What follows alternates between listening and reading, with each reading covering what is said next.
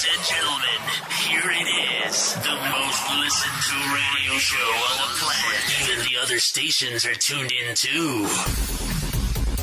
Wiba Podcast Wiba, waktu Indonesia bagian asuransi.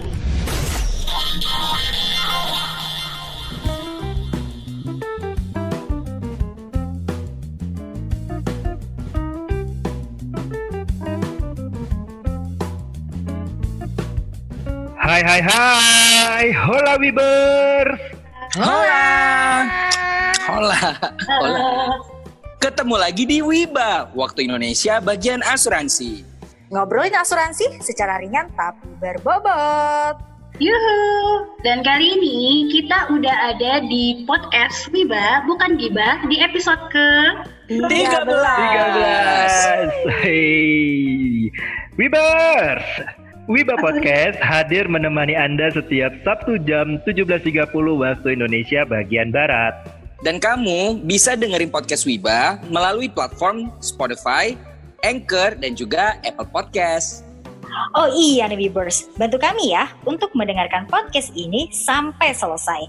Dan juga share dengan keluarga atau teman kamu agar sama-sama mendapatkan manfaat dari podcast ini. Juga nih Webers. Jangan lupa untuk follow, like, dan komen akun Instagram kita di @wiba.podcast. Wibers Oi, Oi, Kemarin kan kita ngobrol nih sama Pak Anton ya mengenai financial planner. Nah, gue kepikiran nih untuk ajak seorang yang expert di bidang ini juga. apa tuh? Nih, kenalin Mbak Mia. Hai Mbak Mia. Hai. Nah, Hai Mbak Mia. Halo. Hai. Hola.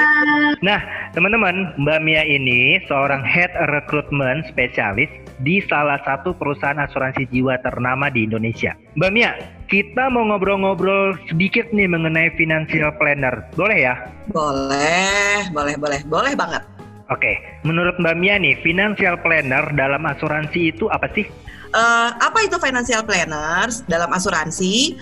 Mungkin pertama-tama kita harus tahu dulu nih definisi dari eh, financial planners itu sendiri. Sebetulnya financial planners itu adalah eh, sebuah profesi, eh, sebuah profesi di mana seseorang akan membantu orang lain dalam mengelola dan merencanakan keuangannya supaya orang tersebut bisa mencapai atau mewujudkan tujuan keuangannya. Contohnya gini deh, biar gampangnya deh, Wibers. Misalnya ada seseorang nih, uh, dia masih muda, dia mau menikah, dia ingin menikah dalam jangka waktu tiga tahun. Berarti tujuan keuangannya dia adalah dia ingin menikah dalam kurun waktu tiga tahun. Atau misalnya ada seorang bapak, dia ingin uh, anaknya dalam kurun waktu enam tahun akan kuliah nih. Berarti tujuan keuangannya dia itu adalah supaya anaknya bisa kuliah dalam waktu enam tahun. Nah, sekarang balik lagi nih pertanyaan pertama. Kalau financial planners di dalam asuransi itu apa? Sebetulnya eh, mungkin lebih tepatnya adalah asuransi itu sebetulnya penting nggak sih dalam sebuah perencanaan keuangan? Penting banget. Karena apa? Contohnya gini teman-teman. Kayak tadi nih, misalnya seseorang akan menikah dalam waktu tiga tahun. Terus kemudian dia udah menabung nih, gitu, udah ngumpulin duit, gitu kan, karena dia pengen nikah tiga tahun lagi. Tapi ternyata yang namanya hidup itu kan kadang-kadang suka banyak hal yang nggak terduga ya, uh, Wibers ya. Kadang-kadang bisa jadi dia kena sakit atau kecelakaan gitu. Nah, jangan sampai gara-gara dia sakit yang tadinya dia udah nabung nih gitu, udah direncanakan keuangannya, tiba-tiba harus diambil tabungannya karena dia untuk membiayai uh, dia berobat. Itu kan berarti tujuan keuangannya dia dalam waktu tiga tahun untuk menikah terancam batal. Atau enggak kayak tadi, si bapak tadi misalnya dia ingin anaknya kuliah enam tahun lagi, tiba-tiba dia sakit keras, misalnya dia kena sakit kritis nih ceritanya. Tiba-tiba mau nggak mau dia harus ambil dia punya tabungan karena dia harus berobat dan akhirnya anaknya nggak jadi kuliah deh gitu dalam waktu enam tahun.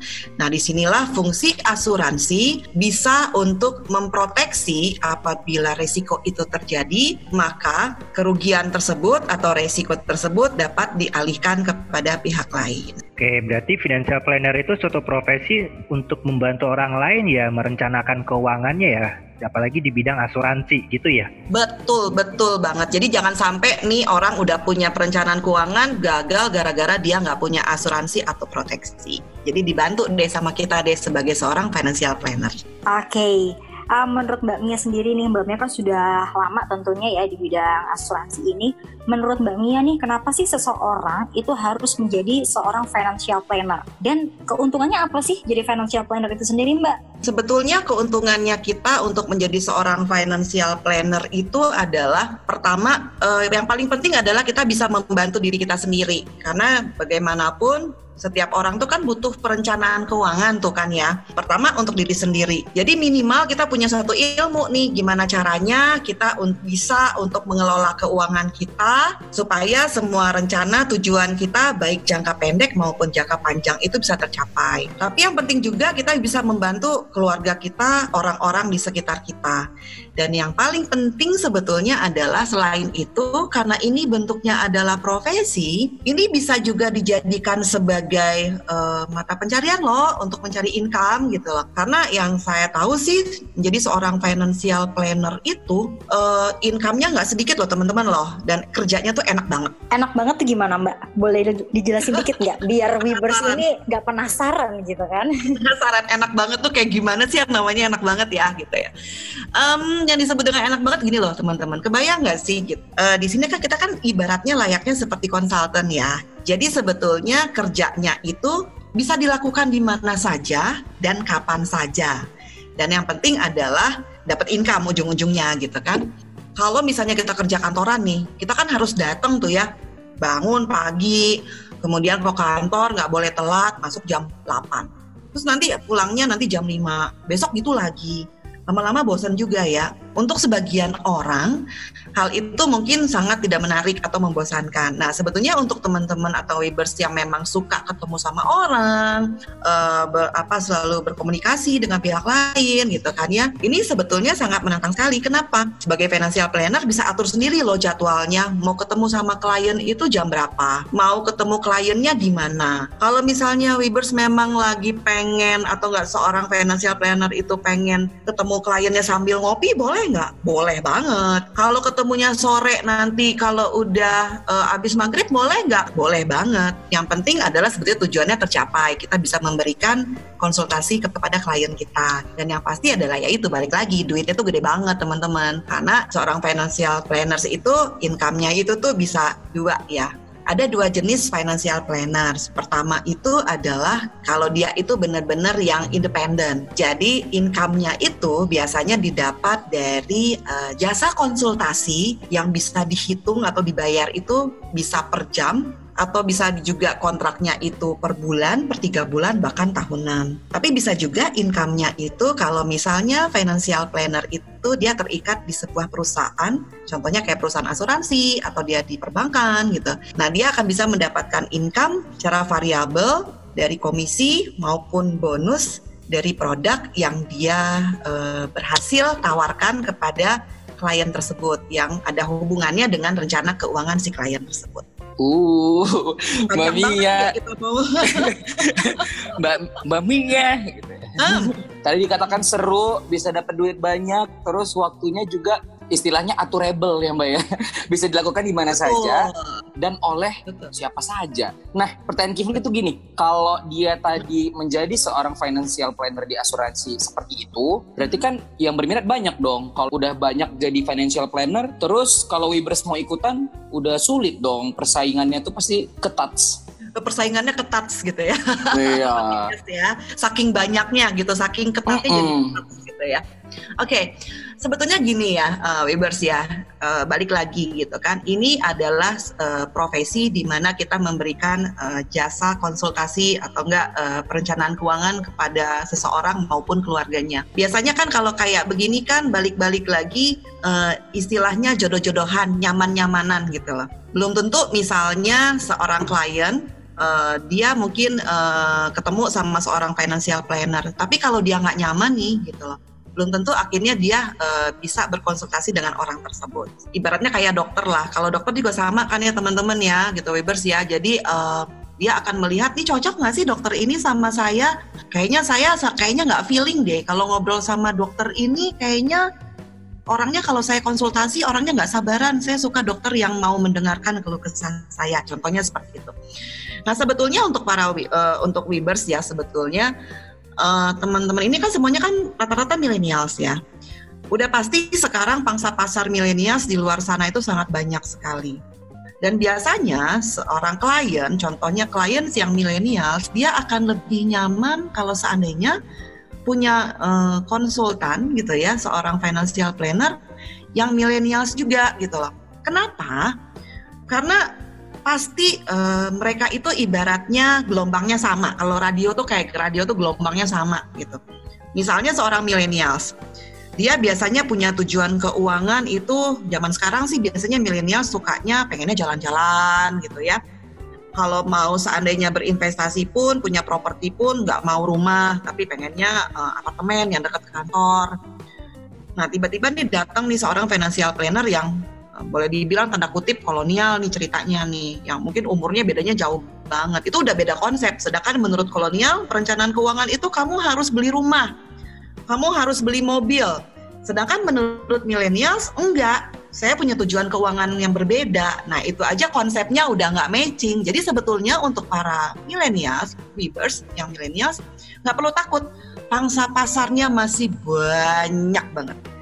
Dan yang paling penting adalah profesi ini belum terlalu banyak loh pemainnya dari kaum millennials. Jadi sebetulnya mumpung belum banyak, ambil kesempatannya. Poinnya sih itu aja sih.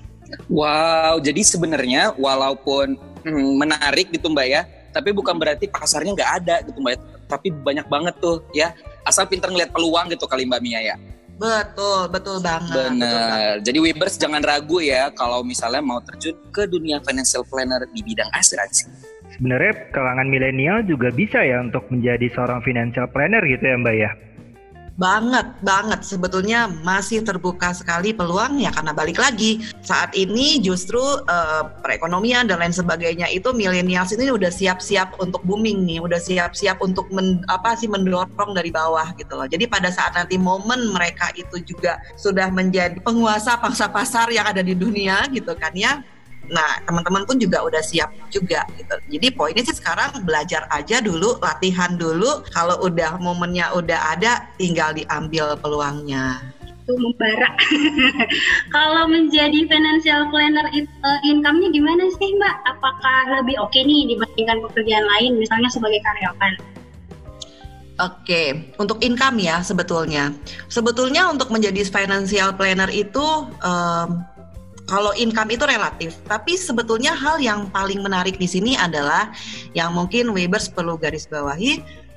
Uh, kita bisa ngatur income kita sendiri loh, gitu. Misalnya contohnya gini, kalau misalnya kita kerja kantoran kan udah pasti itu setiap tanggal berapa, misalnya pas tanggal gajian udah pasti income gue itu segini deh, setiap bulan udah pasti terimanya segini.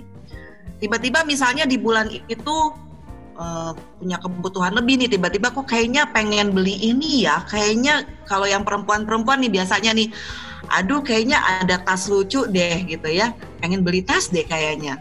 Cuma kalau misalnya kita income-nya itu kayak karyawan kan udah harus mikir nih oke okay, uh, eh, gue dapat income di bulan ini berapa pengeluaran berapa. Ya udah kalau misalnya ternyata nggak cukup atau nggak pas-pasan nggak jadi deh beli barangnya. Contohnya seperti itu Nah, tapi kalau misalnya di seor menjadi seorang financial planner, seenaknya kita bisa ngatur sendiri. Kita mau punya income berapa. Karena kan bentuknya variabel ya, uh, ya. Jadi gini, oh saya di bulan ini pengen punya income misalnya contoh 10 juta. Berarti saya harus melakukan apa ya sehingga saya dapat income 10 juta. Berarti saya harus bisa misalnya memperkenalkan program uh, asuransi uh, dan istilahnya berhasil menjual berapa. Berarti di bulan itu untuk mendapatkan omset sekian saya harus melakukan aktivitas apa gitu. Poinnya seperti itu. Jadi sebetulnya income-nya kita yang bisa atur. Oke, sebenarnya seru banget loh ya. Jadi kita pengen apa nih bulan ini? Yuk kita kejar nih biar kita kedapetan tuh apa yang kita pengenin. Seru sih sebenarnya. Nah tadi kan bicara mengenai income yang bisa dikatakan kayak unlimited ya Mbak Mia ya. Kalau misalkan dengan jenjang karir sebagai financial planner di asuransi itu bisa menjamin nggak Mbak sampai bisa long last lah ke depannya? Bisa banget. Kenapa? Sebetulnya gini, uh, Webers, untuk jadi seorang financial planner itu sebetulnya ada dua pilihan. Kita ingin menjadi seorang financial planner profesional, jadi kita uh, benar-benar sebagai seorang konsultan. Atau pilihan keduanya adalah saya mulai ingin membangun bisnis di dunia asuransi. Bedanya apa nih? Kalau yang tadi masih bekerja secara personal sebagai seorang konsultan. Tetapi kalau membangun bisnis berarti kita menduplikasi orang-orang lain untuk menjadi seperti kita. Jadi istilahnya kita tuh kayak punya tim yang besar sekali. Nah sebetulnya keduanya itu bisa berhasil teman-teman gitu loh. Tinggal kita lebih sukanya yang mana. Banyak juga yang berhasil, seseorang itu berhasil sebagai profesional. Tinggal nanti mungkin Webers kalau udah ngerasa nih, oke okay, kayaknya saya lebih memilih menjadi seorang profesional. Saya pengen benar-benar menjadi seorang konsultan. Tinggal nanti diambil aja sertifikasi-sertifikasi financial planner. Jadi nanti teman uh, Webers benar-benar menjadi seorang uh, konsultan yang profesional. Tapi kalau ternyata Webers itu ada jiwa bisnisnya juga, suka untuk menduplikasi kepada orang lain, suka mendevelop, bisa ambil jalur yang satu lagi yaitu mulai membangun tim gitu loh. Membangun tim itu caranya bagaimana? Ya kita mulai mengajak teman-teman, saudara, keluarga, teman untuk bergabung di timnya kita. Kemudian nanti kita duplikasi apa yang sudah kita lakukan, apa yang sudah kita uh, peroleh selama ini, persis seperti apa yang kita lakukan jadi nanti mereka juga bisa uh, menjadi seorang uh, financial uh, financial planner yang profesional juga seperti kita juga. Jadi tinggal dipilih. Dan untuk income dua-duanya menarik nggak? Sangat menarik sekali gitu loh. Dan banyak sekali orang yang sukses di dunia asuransi, baik sebagai profesional maupun sebagai developer lah istilahnya membangun tim. Tinggal dipilih mau yang mana. Dan itu bisa long lasting loh. Hmm. Karena istilahnya yang paling penting nggak ada pensiunnya. Itu yang paling penting. Jadi sampai kapan pun. Ini seru banget sih ya. Jadi kita pun misalkan mau kerja as a professional boleh atau misalkan kita butuh darah-darah baru nih biar lebih seger gitu kan membangun tim untuk tentunya mencapai strategi atau goals kita itu juga bisa banget lah ya dilakukan. Betul. Oh iya Mbak Mia, uh, terkait uh, tentang karirnya nih, aku pernah dengar kalau bisnis itu bisa diwariskan. Apa benar seperti itu ya Mbak? Oke, okay. Uh, sebetulnya seperti yang disampaikan tadi ya, yang pertama, kalau seandainya kita itu udah ambil jalur yang kita membangun tim gitu ya, itu sudah pasti bisa diwariskan karena memang sebetulnya di beberapa perusahaan asuransi konsep membangun tim itu uh, layaknya seperti bisnis, kayak di, uh, dianggap seperti bisnis. Jadi benar-benar milik kita. Jadi kalau misalnya suatu saat nanti misalnya nih uh, kita sebagai pembangun bisnis tersebut udah ngerasa bahwa aduh kayaknya gue udah mau pensiun deh. Udah capek. Kayaknya abis ini mau diterusin sama anak boleh nggak? Itu boleh banget gitu loh. Tapi balik lagi, karena setiap perusahaan asuransi itu kan beda-beda ya aturan mainnya. Tapi biasanya sebagian besar itu sudah menganut ya itu tadi bahwa uh, tim itu adalah layaknya seperti sebuah bisnis. Jadi bisa diwariskan uh, kepada orang yang ingin kita uh, wariskan gitu. Jadi sebetulnya pertama tadi yang penting adalah ini uh, jangka waktunya bisa jang, uh, panjang banget. Jadi istilahnya nggak ada pensiun, nggak ada aturan bahwa maksimal harus usia 60 tahun ya yang pegang tim atau berprofesi sebagai financial planner enggak enggak ada seperti itu jadi mau sampai usia berapapun selama kita masih kuat masih oke okay, kita bisa jalanin dan yang penting juga yang kedua tadi seperti Giska sampaikan tadi benar banget gitu jadi ini bisa diwariskan ya. By the way suara Mbak Mia ini loh enak didengar loh kayak suara uh, pramugari gitu Suara pembawa berita, Iya, bener. Uh, uh, kayak pembawa berita. Kriuk, kriuk gurih. Kriuk-kriuk Nyaring. gitu ya. Jangan-jangan pernah suara suara deh. aku. Ah, ayo jangan-jangan sama mata Najwa. Gimana gimana? Mbak Mia, kalau sebagai financial planner di bidang asuransi, itu kan pasti kita harus ketemu banyak orang gitu ya, ketemu klien, merencanakan perencanaan keuangan dia bersama gitu ya, ngobrol-ngobrol dan lain sebagainya deh. Nah di luar sana pasti ada nih Webers ya Mbak Mia ya, yang agak introvert gitu Mbak. Jadi ngomong sama orang itu agak ragu-ragu atau mungkin nggak terlalu pinter ngomong sama orang lain gitu. Atau mungkin ada juga yang pengetahuannya tentang perencanaan keuangan dalam asuransi itu eh, kurang, sangat terbatas gitu. Nah untuk orang-orang seperti ini, kira-kira tetap bisa menjadi financial yang baik nggak nantinya Mbak, seandainya bergabung?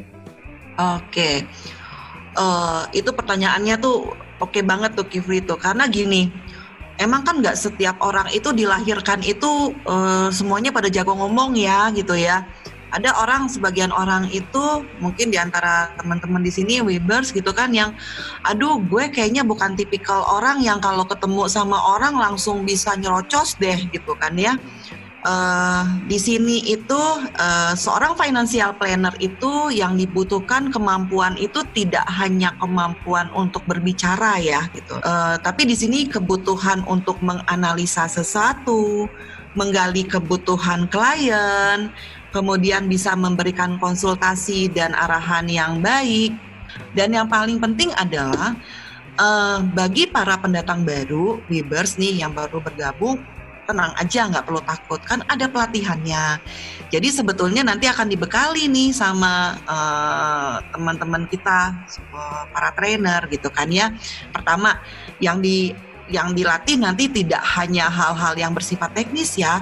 Bisa jadi juga misalnya eh, dari cara bersikap cara menggali kebutuhan nasabah atau klien kemudian bahkan sampai cara berpakaian gitu kan.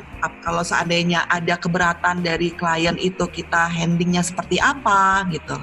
Jadi tenang aja sebetulnya adalah poinnya siapa pun bisa untuk menjadi seorang financial planner Itu pelatihan-pelatihannya dari perusahaannya gratis atau bayar? selama ini kayaknya kalau saya sih nggak pernah denger yang bayar ya kayaknya ya itu udah pasti gratis deh kayaknya deh Wow, Dan, gratis lagi um, jadi tambah pinter. Benar, benar, benar. Dan yang penting adalah selain gratis, zaman sekarang ini kan banyak sekali perusahaan asuransi itu juga mengemas training-trainingnya itu dengan cara yang lebih menarik gitu kan ya. Jadi nggak perlu merasa Hmm. bahwa aduh gue kayaknya bakal bosen nih, bakal duduk di kelas sampai berhari-hari, nggak macam-macam. Sekarang mereka tuh trainingnya tuh bisa dengan eh, dengan digital, dengan online gitu kan, atau nggak mungkin dengan permainan-permainan dan lain sebagainya. Pokoknya benar-benar disesuaikan dengan em, karakter dari eh, para millennials. Kalau yang saya tahu sih seperti itu ya Kifli. Jadi nggak perlu. Oke Mbak Mia, perlu thank takut you. bosan. Jangan takut, don't be afraid ya Mbak ya. Ya betul. Hmm, aku jadi tertarik deh kayaknya untuk jadi financial planner. Terus Mbak Mia gimana nih kalau misalnya aku atau mungkin Wibers nih di luaran sana eh, tertarik untuk jadi financial planner, prosesnya gimana? Sulit nggak sih? Apa aja sih yang harus disiapkan? Oke, eh, sebetulnya kalau untuk persyaratannya sih nggak perlu ribet ya gitu. Pertama-tama yang udah pasti, mungkin yang paling penting adalah gini, eh, Webers ketemu dulu nih, kira-kira sama siapa nih gitu yang yang bisa mengajak Webers ke perusahaan tersebut. Biasanya kan suka banyak tuh sekarang itu diadakan kayak business opportunity, op- eh, opportunity yang diadakan oleh beberapa perusahaan biasanya. Jadi teman-teman kalau mau ikutan coba bisa join di acara tersebut gitu loh. Nah, setelah mendengarkan presentasi dari eh, perusahaan tersebut, Webers nanti bisa biasanya tuh nanti diminta untuk mengisi eh, biodata, istilahnya biodata ya, kayak isi form gitu deh gitu kan ya, isi form gitu kan ya. Kemudian nanti setelah diisi biasanya ada beberapa data perlu untuk dilengkapi. Contohnya misalnya kayak KTP, foto gitu kan ya kalau misalnya udah punya NPWP bisa lampirkan NPWP kartu keluarga dan lain sebagainya Eh, tapi sih poinnya adalah seperti ini. Untuk menjadi seorang financial planner itu nggak pakai ribet. Nah, Mbak, ada pesan nggak sih buat Webers yang tertarik menjadi financial planner di asuransi? Eh, pertama yang paling penting adalah eh, join aja dulu belajar aja dulu. Kalau bisa ditarik kesimpulan sebenarnya financial planner itu profesi yang membantu orang lain merencanakan keuangan dan kalau kita lihat keuntungan menjadi financial planner itu kita bisa membantu diri kita sendiri minimal yang mempunyai ilmu lah untuk mengelola keuangan kita terus bisa membantu orang-orang di sekitar kita menjadi mata pencarian pastinya dan bisa dilakukan kapan saja dan juga di mana saja. Nah, ngomong-ngomong mengenai financial planner ini masih ada pasar atau tidak? Sebenarnya pasar untuk menjadi financial planner apalagi buat milenial itu terbuka sangat-sangat lebar gitu loh. Dan income-nya itu bisa kita atur sendiri pengen berapa nih sesuai dengan kebutuhan kita sendiri. Pengen gede ya usahanya juga pasti harus gede. Pengen kecil ya usahanya juga jadinya kecil gitu loh. Dan untuk jenjang karirnya itu juga menjamin sebenarnya selagi kita mau bekerja dan karirnya profesional ya. Kalau kita mau karir yang profesional bisa atau kita mau building tim untuk bisnis kita sendiri itu juga bisa. Nah, kalau untuk pelatihan-pelatihannya itu biasanya di-provide oleh perusahaan dan itu gratis. Kecuali nih kalau uh, Weber ingin mendapatkan sertifikasi-sertifikasi. Nah, itu baru bayar sendiri untuk sertifikasi profesionalnya. Oke, okay, thanks ya Mbak Mia ya udah mau ngobrol-ngobrol di Wiba Podcast kali ini. Mm -mm.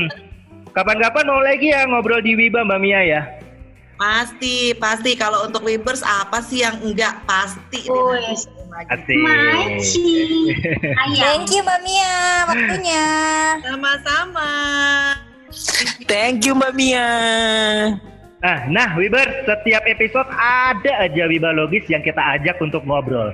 Nah, kira-kira nih siapa lagi ya yang akan kita hadirkan untuk Wiba episode minggu depan? Pasti kamu semua penasaran kan? Makanya selalu dengerin Wiba Podcast setiap hari Sabtu jam 17.30 waktu Indonesia Barat. Melalui platform Spotify, Anchor, juga Apple Podcast. Dan jika menurut kamu podcast ini bermanfaat, Viewers, bantu kami ya tentunya untuk mendengarkan podcast ini sampai selesai. Dan jangan lupa tentunya untuk share dengan keluarga atau teman-teman kamu nih, Viewers. Yuhu, dan terakhir nih ya, jangan lupa Webers untuk selalu follow, like, dan share Instagram kita di @wiba.podcast. Oke, okay, Giska sign out. Tia sign out. Kifli sign out. Andi Katovano sign out and you Caca. Ciao. Bye bye. Thank you, Webers.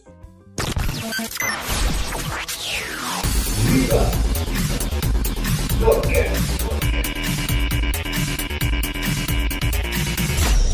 you for listening to our podcast.